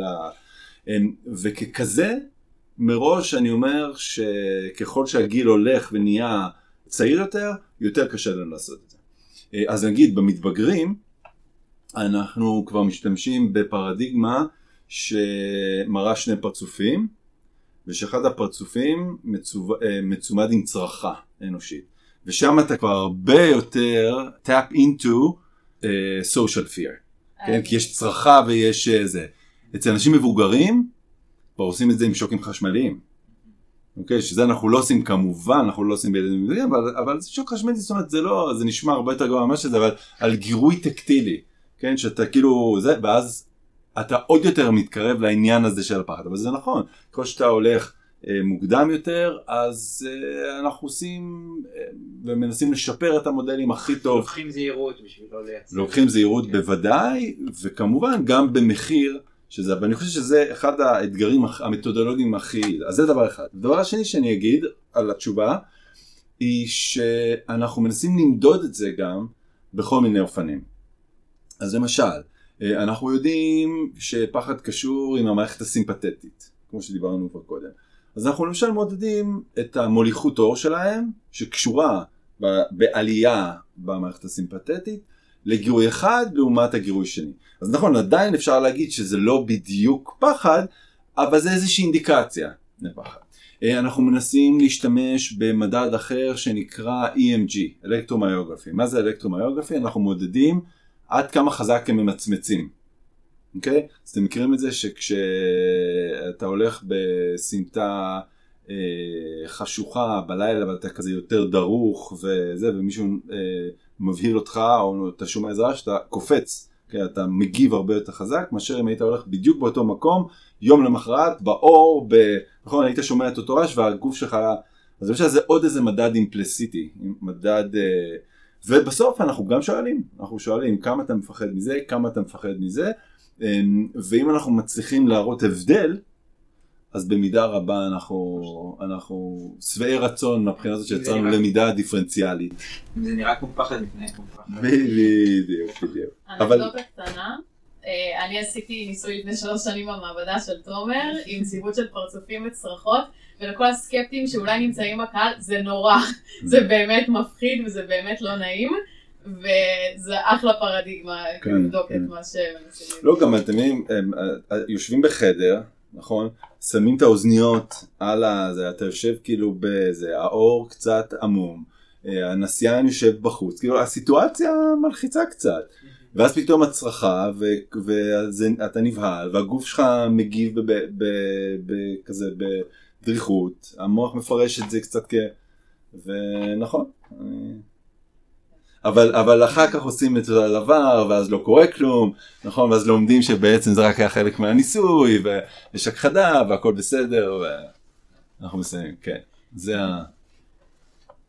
אז אם באמת אתם מודדים אה, ככה ומנסים לראות אה, מנבאים, אמרת גם אה, מוליכות הורית, אמרת גם אה, אה, EEG, אה, מה מצאתם? אה, למשל אה, עוד כלים, אה, FMRI, מה מצאנו? אז אנחנו בעצם מוצאים, או אנחנו ממשיכים כל הז... אחד הדברים המרכזיים שאנחנו אה, מוצאים זה שיש תגובות שונות בין אה, גם הילדים הביישניים לתהליכים האלה, אה, ובעצם אנחנו מחפשים ומוצאים הבדלים למשל מוחיים, גם בעובי, כן, ובמה שנקרא גיי מטר ווליום. כמה אה, עבה או גדול אזור מסוים שקשור למשל בהכחדה או, ב, או בלמידה של פחד אנחנו מוצאים הבדלים למשל בתגובה המוחית לגירויים שעברו הכחדה והילדים או המתבגרים נחשפים אליהם שוב שבוע אחרי. Okay? אז זה עוד איזה היבט שלא דיברנו עליו, אבל הוא נקרא extinction recall, או, או, או, או אחזור ההכחדה. אתה לומד שמשהו לא מסוכן, והשאלה האם אחרי שבוע, חזרת לסקוויר וואן. בדיוק, מה קורה אחרי שבוע? אוקיי, אז אתה מראה עכשיו עוד פעם את שני הגירויים, האם אתה תפחד או לא תפחד? אז אנחנו יודעים שנגיד הילדים עם הפרעות חרדה, או אנשים עם נטייה להפרעות חרדה, יראו יותר פחד באחזור ההכחדה, מאשר אנשים שהם לא. ואנחנו מראים הבדלים, או אנחנו מצליחים להראות הבדלים אה, גם ברמה של הדיווח העצמי, כן, עד כמה אתה מפחד מזה, מזה, מזה, אנחנו מראים הבדלים בהכללה, כן, אנחנו מראים שאנשים שהם, אה, במיוחד ילדים הם מתבגרים, כן, זה מה שאנחנו עושים במעבדה, שהם או כבר סובלים מהפרעות חרדה, או הם בסיכון להפרעות חרדה, הם מכלילים יותר פחד ממשהו אחד שהם למדו לדברים אחרים שדומים לו. אוקיי, אז למשל אם אני אחזור לדוגמה של הפעמונים, אז אנחנו מלמדים אותם לפחד מפעמון כחול, אה, אבל לא לפחד מפעמון צהוב, ואז מתחילים להציג להם אחרי שבוע אה, ערבוב של הצבעים. אוקיי, ושואלים אותם כמה אתה מפחד או כמה אתה לא מפחד. אוקיי, ומה שאנחנו רוצים להראות קשור לשאלות האלה של הבחנה אה, או הכללה. אז גם בדיווח העצמי שלהם, גם בתגובה הפיזיולוגית שלהם, GSR ו-EMG, גם בתגובה המוחית שלהם, okay? ולנסות לראות קודם כל הבדלים. Okay? עכשיו אתם מבינים שחלק גדול מה... אולי, כשאנחנו מדברים על הפרעות חרדה, כשאנחנו מדברים בכלל על הפרעות פסיכיאטריות, פסיכולוגיות, כמעט תמיד השאלה האם אתה מאובחן או לא מאובחן מבוססת על הדיווח העצמי של המטופל, הדיווח העצמי של האדם. Okay? אין לנו דרך ממש טובה עוד היום אה, להסתכל על היבטים אחרים. מה שאנחנו מנסים לעשות, כמו הרבה אנשים אחרים היום בעולם, זה לנסות לחפש עוד מרקרים לדבר הזה. Okay? לחפש דברים שאולי אפשר בילדים לראות לפני שהם מסוגלים להגיד את הדוגמה אחרת, על הדוגמה שנתתי לכם עם הילדים הביישנים, אנחנו יודעים שטיפולים פסיכותרפיים, במיוחד טיפול שנקרא CBT, טיפול קוגניטיבי התנהגותי, הוא טיפול שמאוד עוזר לילדים ומתבגרים ומבוגרים עם הפרעות חרדה, אבל הוא עוזר בערך ל-60%. יש עדיין 40% מהמבוגרים, מהילדים, שלא כל כך uh, מצליחים uh, uh, להשתפר, להפיק מה, מהטיפול באופן משמעותי. אז עוד דבר, עוד מאמץ מחקרי שאנחנו עושים במעבדה, אנחנו מנסים לקחת ילדים ומתבגרים עם הפרעות חרדה, ולפני שאנחנו מתחילים את הטיפול, לנסות לנבא מי ירוויח יותר ומי ירוויח פחות מהטיפול הזה. אוקיי, אז, הטיפ, אז הטיפול הזה בעיקר מבוסס על, כמו שאמרנו קודם, על הכחדה, על חשיפה לדברים שאתה מפחד מהם ואתה לומד מחדש, אה, או שהם לא כל כך מסוכנים, או שאתה יכול להתמודד עם זה, או שזה לא בדיוק מה שציפית שיהיה, אוקיי? ודרך הדבר הזה לעשות בעצם את התהליך של לעבור ממצב של חרדה למצב של פחות חרדה או בכלל לא. אז התהליך הזה הוא בדיוק התהליך שדיברנו עליו עד עכשיו של ה extinction. אז אנחנו מנסים אפריורית לפני תחילת הטיפול לעשות את המטלות האלה שדיברנו עליהן קודם ולראות למי יש בעיה שאולי אפשר למדל אותה במעבדה דרך ה extinction שאולי אפשר לראות אותה או במוח או במדדים הפיזיולוגיים או ב self report ודרך הדבר הזה לנבא מי יותר או פחות יצליח וירוויח מהטיפול. לקצר את התהליך וגם לפשט אותו, אתם אומרים לילד בוא שב פה תעשה את המבחן הזה, תמשיך לטיפול, הצלחת, הפקת ממנו יותר דברים, כלומר באמצעות החשיפה הצלחת להכחיד את הפחד ואז אתם חוזרים לנקודה הראשונית של לבדוק רגע האם היו דברים בהתחלה של אלה שהפיקו והצליחו להרוויח מהטיפול הזה הכי הרבה, משותף לכל, לכל האלה. במדדים הפיזיולוגיים, נכון? נכון, במדדים הפיזיולוגיים, במדדים המוחיים, במדדים ה... זאת אומרת, אנחנו לוקחים, בסוף המחקר הזה אנחנו אומרים, רגע, מה היה הפרפורמנס של הילד הזה כשהתחלנו, לפני הטיפול, אוקיי? על המטלות האלה של הלמידה. איך הוא הראה במעבדה את היכולת שלו ללמוד פחד ולהכחיד פחד, ואיך הדבר הזה אולי היה קשור עם ה-outcome ארבעה חודשים אחרי, כן, בסיום הטיפול. עכשיו אנחנו עושים follow-up, שהוא שלוש-ארבע שנים אחרי הטיפול, ומנסים להבין האם אפשר להגיד משהו אה, בנקודת הזמן הראשונה, ב-T0, כן? על מי ירוויח יותר ומי ירוויח פחות. עכשיו אתם מבינים לאן זה הולך? למה? אה, גם. ל... ברור, ללמה, הכל. פה זה למה, הכל פה זה למה. הכל, כשאני אומר למידה אה, מכניסטית ומנגנונית, אז אנחנו אומרים, אנחנו מנסים עכשיו להבין לעומק מה זה אומר ברמה הקוגנטיבית, פיזיולוגית, ביולוגית, והשינוי הזה מפחד לחרדה. אוקיי, זה ברור, זה הלמה. אבל מה שרציתי להגיד זה שאני חושב, היום שאנשים נגיד פונים לטיפול, הסטנדרט, ומה שעושים איתם זה הם עוברים אינטייק. אוקיי, אינטייק זה רעיון, רעיון קליני, יושב איתם איש מקצוע, תחקר אותם ושואל אותם, אז הרגשת ככה, והרגשת ככה, וכמה אתה מפחד, ותדרג כמה אתה, אבל הכל נעשה על סמך דיווח עצמי. אוקיי? אני חושב שבסופו של דבר, מה זה בסופו של דבר? אני חושב שבעוד 20 שנה, 30 שנה, היום זה קצת מתחיל, לבטריה הזאתי של אה, הרעיון הקליני, שכנראה תישאר כי היא חשובה ומרכזית, והדיווח העצמי זה דבר נורא נורא חשוב, יתווספו עוד דברים, כמו בדיקה על תהליכי הלמידה, כמו כל מיני בדיקות שקשורות לקשב שלו, לאן הוא מסתכל כשהוא רואה דברים אה, מאיימים. אוקיי, וייכנס עוד כל מיני, אה, ייכנסו עוד כל מיני אמצעים ש-go beyond הדיווח העצמי, שחלקם גופניים, חלקם סימפתטיים, חלקם אה, שייתנו לנו תמונה יותר טובה של, של המצב של המטופל. אמרת ש... אני לא יודעת אם יש לך שאלה. אה? אמרת מקודם על CBT שהוא מדהים רק ל-60% מהאנשים, ובעצם הסיבה שאנחנו רוצים להבין למה כל הדברים האלה קורים ושיהיה לנו משהו מעבר לאינטייק, שיהיה לנו תמונה באמת יותר כללית, זה כנראה כדי שנדע גם לתת טיפול הולם יותר לאנשים אה, אחר כך. אז אם אנחנו רואים נניח של אה, סוג מסוים, מכלול מסוים של דברים, ה-CBT כנראה פחות יתאים, אז איזה עוד דרכים יש לטפל בחרדה?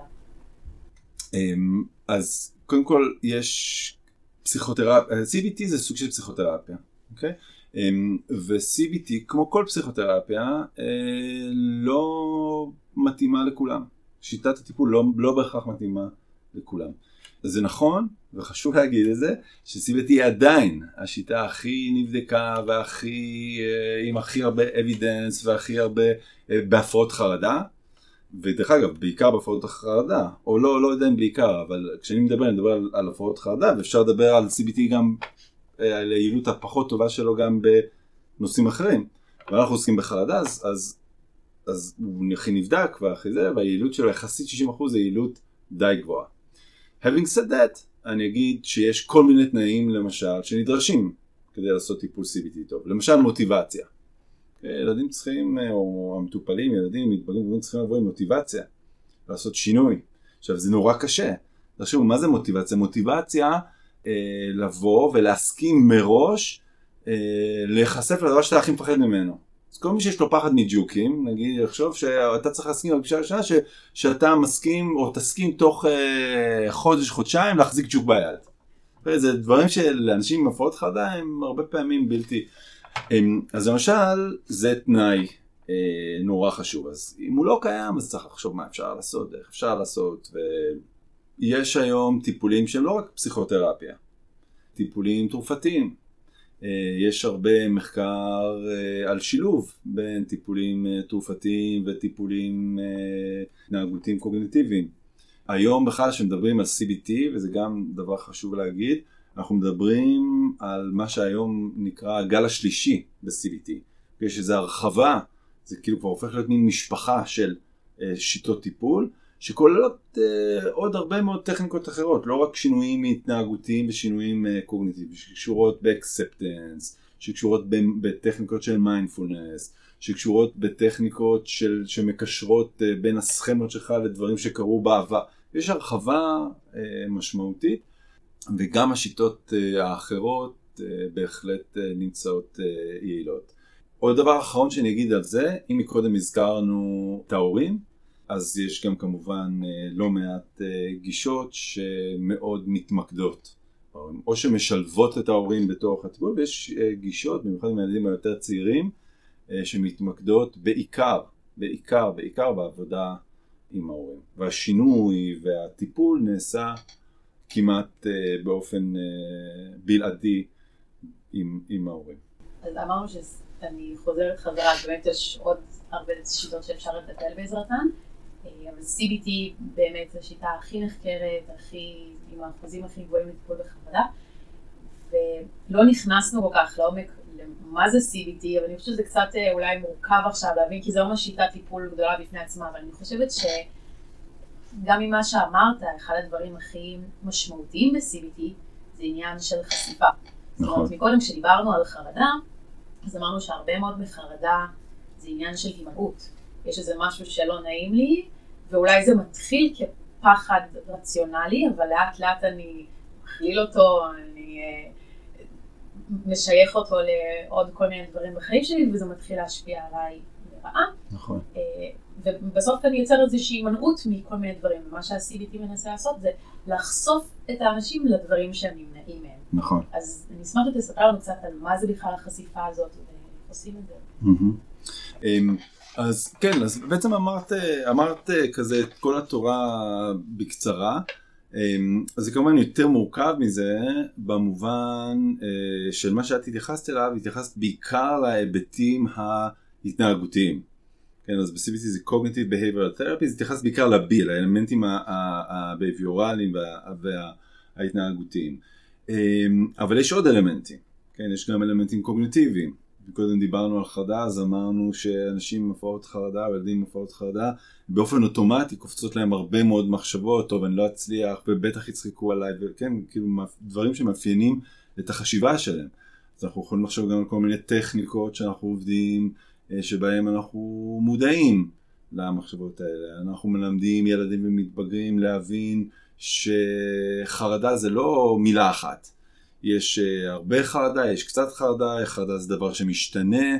אוקיי, אנחנו כאילו מנסים להגמיש, זה לא שחור זה לא שחור לבן, זה לא שעכשיו uh, הרבה ילדים ומתבגרים, הם אומרים, טוב, אני, זה, זה בגלל החרדה שלי. ואני אומר, אבל מה זה בגלל החרדה שלך? חרדה זה, דו, זה מושג שמשתנה. חרדה יום לפני המבחן היא לא כמו חרדה חצי שעה לפני המבחן ולא שבוע לפני המבחן. כן? ו- להפוך אותה נניח לסקאלה, יש חרדה 2 ויש חרדה 6. בדיוק ככה, גם יש חרדה 2, 4 ו-6, וגם החרדה הזאת משתנה, ואתה יכול אולי להוריד אותה, או זה, והיא לא איזה דבר חיצוני לך, טוב זה החרדה שלי, כן? ועכשיו זה, ה, כן, העולם הוא העולם של החרדה. אה, אז זה למשל היבטים יותר אה, קונקרטיים. איך משיגים את הדברים האלה? משיגים את הדברים האלה גם בעבודה אה, אינדיבידואלית ודידקטית, כן, שאנחנו מציירים, אנחנו אומרים, אוקיי, מה היה הטריגר? תחשוב רגע על המחשבות שקפצו לך.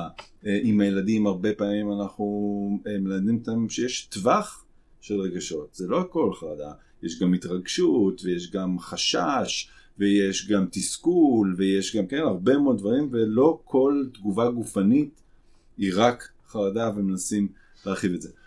אז את, הצדדים האלה, והצד האחר שהוא כנראה אחד הדברים המרכזיים, או הפלטפורמה המרכזית שעליה הטיפול אה, מושתת, היא באמת הניסיון לעשות חשיפות.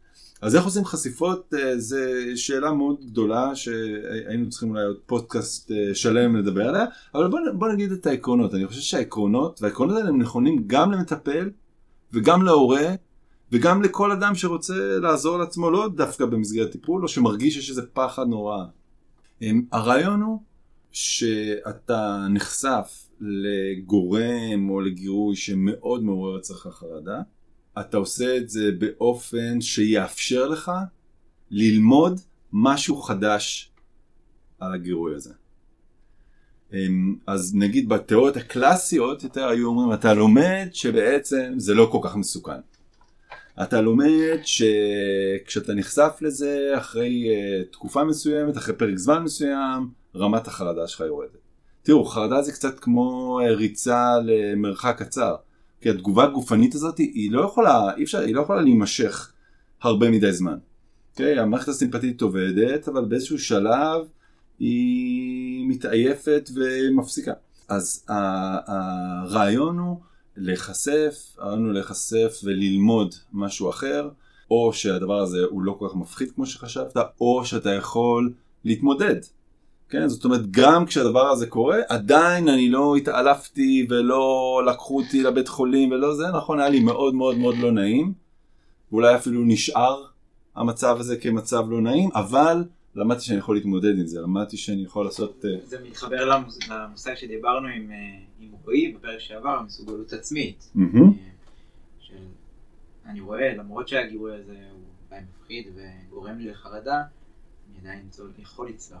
נכון, נכון. בהחלט. אה, אה, אני חושב שהמושג הזה של סלף אפיקסי והיכולת שלי להתמודד עם דברים היא, היא עוד איזושהי תוצאה אולי של, אה, של החשיפה. זה לא רק שזה מפסיק להפחיד אותי, אלא זה משהו שאני יודע שיש לי כל מיני כלים אחרים שאני יכול... אבל כל אלה אצלי, בתפיסה שלי, סובבים סביב עניין הלמידה. מה אני לומד בסיטואציה הזאת? לומד להכחיד את הפחד, לומד שאני יכול להתמודד עם הפחד, לומד כל מיני דברים, אבל זה הדבר המרכזי וזה העניין המהותי ביותר בתוך הטיפול ההתנהגותי קוגניטיבי, במיוחד בטיפול בהפרעות חרדה. זה באמת ממש אישיו, כי אמרת, כאילו החלק המאוד משמעותי זה מה אני לומד, ובאותה מידה אני יכולה להחליט שאני אלך עכשיו לחשוף את עצמי לדברים שאני נמנעת מהם עד עכשיו, שהם מפחידים אותי ומלחיצים אותי, ואני אגיד אוקיי, אני...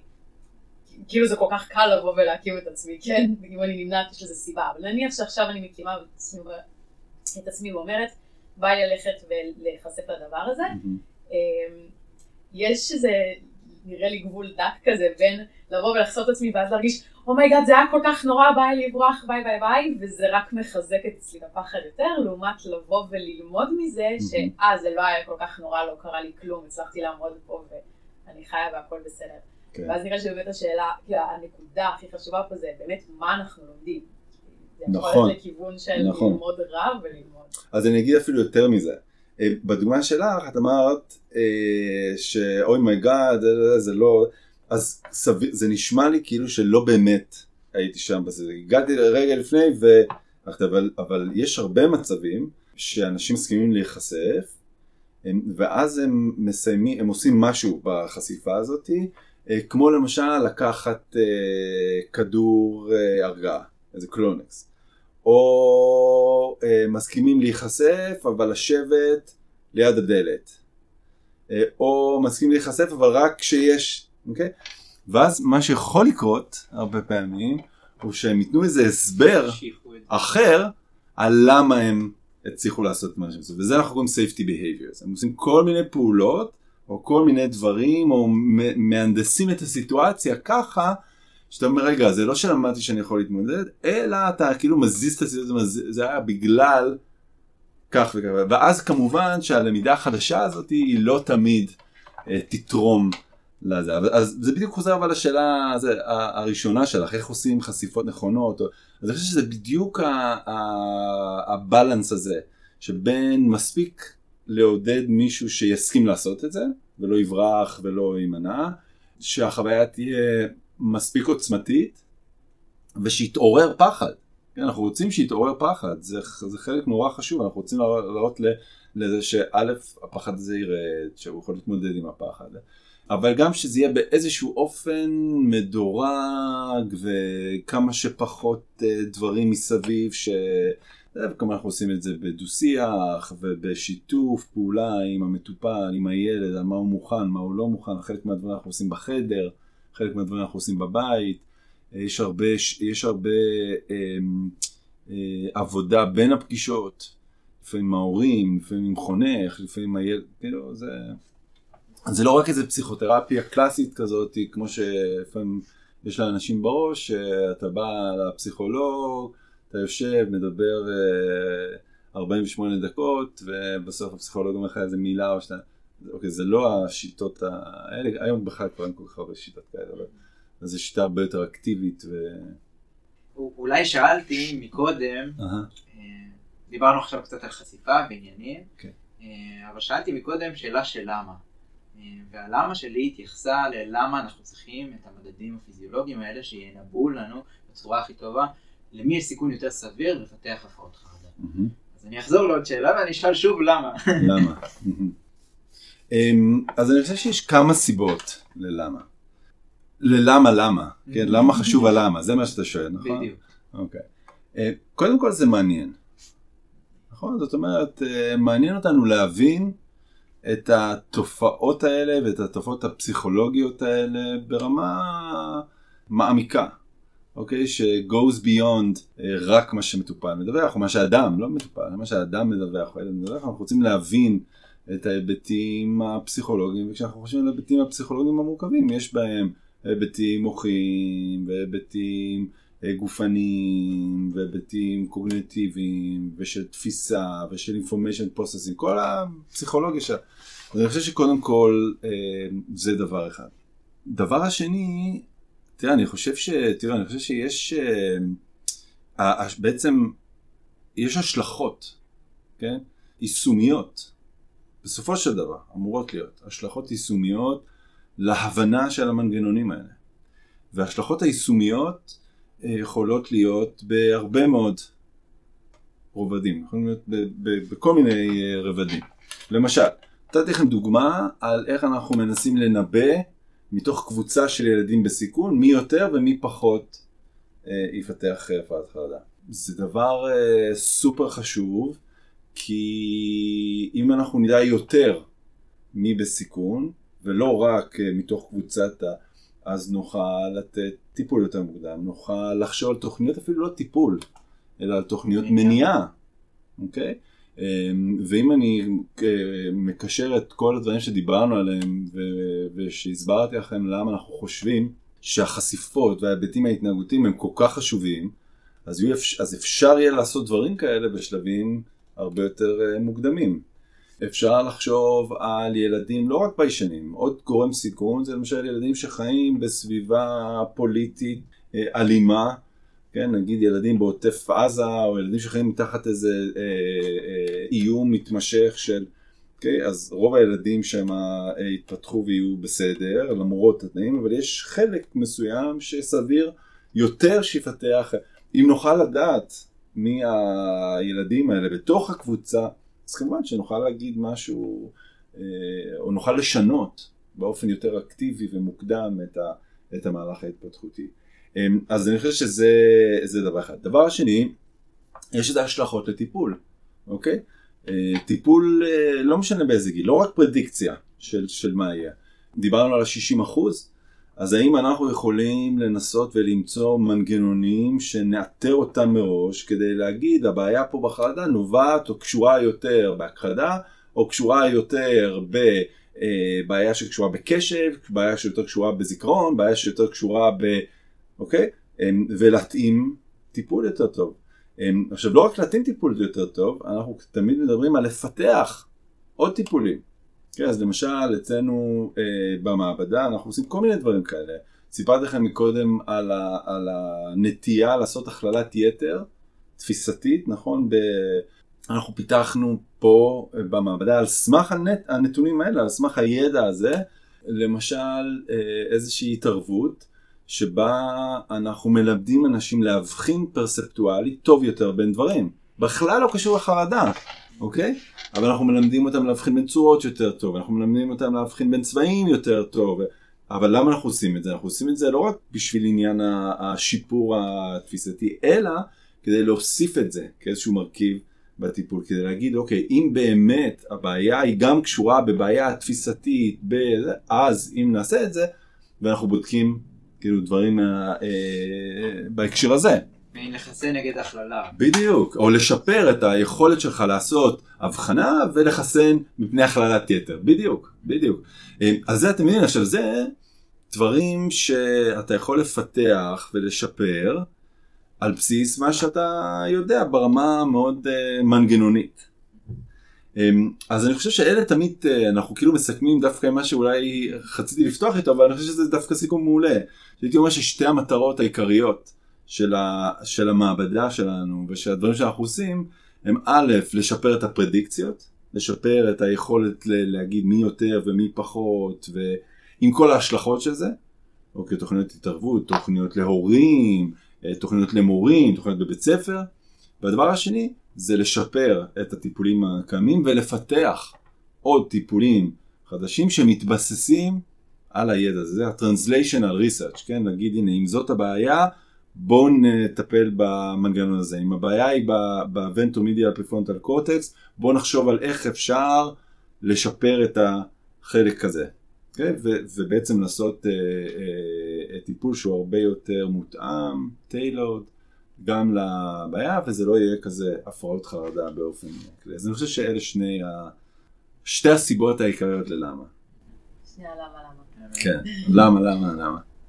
אני תמיד אומר שאתם מכירים את זה שלפעמים בבית ספר, כזה בכיתה ב' או ג', אה, באה שיננית או רופא שיניים ובודק אה, למי יש חורים ולמי כדי להגיד, אז אני חושב שלא רחוק היום שיהיו גם כל מיני מבחנים פסיכולוגיים כאלה שאנחנו מעבירים לילדים יותר צעירים, לילדים בגן, שיכולים להגיד משהו על גורמי החוסן שלהם, על מי בסיכון יותר, פחות, לפתח אה, הפרעות חרדה או הפרעות אחרות, לא חשוב, אמ, אבל שזה גם יהיה חלק מה, מהמניעה וזה גם יהיה משהו שאפשר יהיה להעביר אותו אה, לאוכלוסייה הכללית, להרבה מאוד אנשים, ולהתחיל לצמצם ואולי אה, לפעול, למנוע, לשפר כבר מגילאים צעירים. נגעת פה בהבדל בין נקודה בבדיקה גופנית או פיזית מוקדמת לבין הבחנה אחרת. אמ, אבל יש גם אה, שאלות אה, עוד נוספות ונשמור אותן. שאלות קיומיות. כן, שאלות קיומיות? אוקיי. ונסיים בשאלת בונוס, תמיד אה, כזאת או אחרת. למי שלא מכיר את הפינה האהובה עלינו, אנחנו מציבים שתי אופציות, ושתי אופציות בלבד. אין בריחה ואין בחירה בין שתיהם. והפעם השאלה שלנו היא, מה אתה מעדיף? מה אתם מעדיפים? סושי או פיצה ללא תחתית? סושי ללא תחתית או פיצה ללא תחתית? סושי ללא תחתית או פיצה ללא תחתית. זה אומר שאתם אה, יכולים לאכול כמה שאתם רוצים. מה זה סושי ללא תחתית? זה אומר... מה, תסביר רגע מה זה סושי. ללא תחתית. אוקיי, אז אולי אני אתחיל ואני אגיד שהייתי פעם בסושי בלי תחתית והייתי גם פעם בפיצה ללא תחתית. כן, כן. ושניהם בסוף אה, הגעת לאותה נקודה של בחילה. מבחינה בלתי. אז קודם כל זה יכול להיות פקטור בהחלטה שלכם, אני לא אתן לכם את הספוילר של מה לי קרה, כן. אבל אני פה ואני איתכם, זה אומר שאפשר לשרוד ולספר על זה. אבל סושי לא תחתית זה all you want, ויש אה, גם אה, עובדה מעניינת שיש גם קינוח של סושי, יש סושי מתוק שזה לא כזה טוב כמו שזה נשמע. זה לא נשמע טוב. ופיצה לא תחתית יש גם פיצה מתוקה. נכון. שזה דווקא יותר טוב. ברור, ברור. לא טעם אז אה, כאילו אם עכשיו הייתי הולכת לערב עם חברים, מה הייתי בוחרת לאכול בלי הגבלה, עם פיצה או סושי? אמת. אפשר לענות בתשובה שהתחלנו איתה? תלוי. אה, כן, אז זה תלוי, אבל הייתי אומר שנטיית הלב היא כמובן תהיה בוטומלס סושי. אם הוא יהיה סושי איכותי וטעים. אני הולך, רגע, אבל במה זה תלוי? לא, לא אמ, במידת הרעב, באיכות הדגים, בחברה שמסתובבת, בכמה אכלתי באותו יום או לא אכלתי. רצתי בבוקר או לא רצתי, רצתי בבוקר או לא רצתי בבוקר. אני אגיד שזה תלוי בדבר אחד בלבד, ואז זה, זה בעצם לא תלוי, כי אחרי שאני אוכל פיצה לתחתית זה שונה ממה שאני אוכל סושי לתחתית, כאילו מידת כמה אני יכול לקום מהכיסא. אה, אז זה תלוי רק בפקטור הזה, ובגלל זה אני תמיד אבחר בסושי. תמיד אבחר בסושי. כן, גם, אוקיי, עוד אופציה, עוד למה, כן, תמיד אני... רגע, אבל תגיד, אה, אה, ערב חורפי קר, קר לך. אתה יושב בבית וקר לך, המזגן לא עובד. לא תמיד, לא תמיד תבחר סושי. נכון. בא לך את ה-comfort food המחמם. אז אולי אנחנו כזה במקום יותר סבבה. אני גם, יש עוד איזשהו פקטור שאני תמיד יכול לאכול עוד חתיכת סושי, וחתיכת פיצה זה פחות, אה, אני יכול לאכול עוד אם בא לי. אני לא יודעת מה איתכם, אני ממש עם פיצה ואני לגמרי יכולה עוד חתיכה אם בא לי. אה, אני מצטרפת למה שאתה שאמרת על הפיצה. comfort food ונחמד לי וזה חם. וכיף כזה ויש מלא תוספות ויש כל מיני סוגים של פיצה אני לאחרונה גיליתי איזה פיצריה בלי אה, אה, marketing או לא יודעת אבל משהו מפחיד אז אני ממש בטים פיצה ואני ממש אוהבת את זה שתמיד יש איזה כאילו ש, שאין קונצנזוס על איזה משהו וצריך לה- להשאיר את זה למאזינים והמאזינות להחליט יש, יש בפיצה תמיד את ה... אמרת עוד אחד, יש את, את הטעות, את המשולש הטעות. עוד אחד, אבל... עוד אחד לא. ואז אני הבנתי, לא, עשיתי טעות. לא, לא היה במקום. כן. כן. בדרך כלל כבר בדרך, וכזה halfway אתה מתחיל לאבד את הטעות. ממש. זה כבר שלב, כן, עכשיו כן. לסיים אותו, פולנים, לגמור מהצלחת. לגמרי. אה, תודה רבה רבה. תודה לכם. היה כיף. היה באמת ממש כיף. ותודה גם למאזינים והמאזינות. תודה שהצטרפתם אלינו לפרק הזה וצעדתם איתנו לתחום הזה של פסיכופתולוגיה התפתחותית ושל הפרעות חרדה. אה, דיברנו על מה זה חרדה, מה זה פחד לחרדה, דיברנו על קצת המנגנונים המוחיים, אה, מחקרים במעבדה של פרופסור תומר שכנר, מה אנחנו, למה אנחנו מנסים לנבא כל מיני דברים, איך זה עוזר לנו לשפר אולי את הטיפולים הקיימים או ליצור טיפולים חדשים, ואולי קצת גם איך אפשר לטפל מראש ולמנוע. ואם גם אתם ואתן הסתקרנתם תוך כדי הפרק ועלו לכם עוד שאלות, אז תצטרפו לקבוצת הפייסבוק שלנו אינטרוספקציה, או פנו אלינו דרך האתר, שתפו אותנו בהגים, מחשבות, כל מיני דברים שעלו לכם. נזכיר שאפשר לשמוע אותנו בנייד בכל אפליקציות ההסכמים המרכזיות, כמו ספוטיפיי ואפל פודקאסט, וכמובן גם באתר של התוכנית. כל הלינקים הרלוונטיים נמצאים בתיאור של הפרק, אז אפשר למצוא את זה שם. ועד הפעם הבאה, אנחנו מזמינים אתכם ואתכן להסתכל פנימה ולנסות כזה לזהות אולי דברים שאנחנו נמנעים מהם בחיים שלנו, ואולי קצת איך אפשר להימנע מלהימנע מכל מיני דברים בחיים שלנו. זה לא, לא עשינו לכם חיים קלים בכלל, אנחנו גורמים לזה לשמוע פשוט איך להימנע מלהימנע, אבל כל הפרק דיברנו על כמה זה לא. אה, וזהו, יאללה, נשתמע. תודה רבה.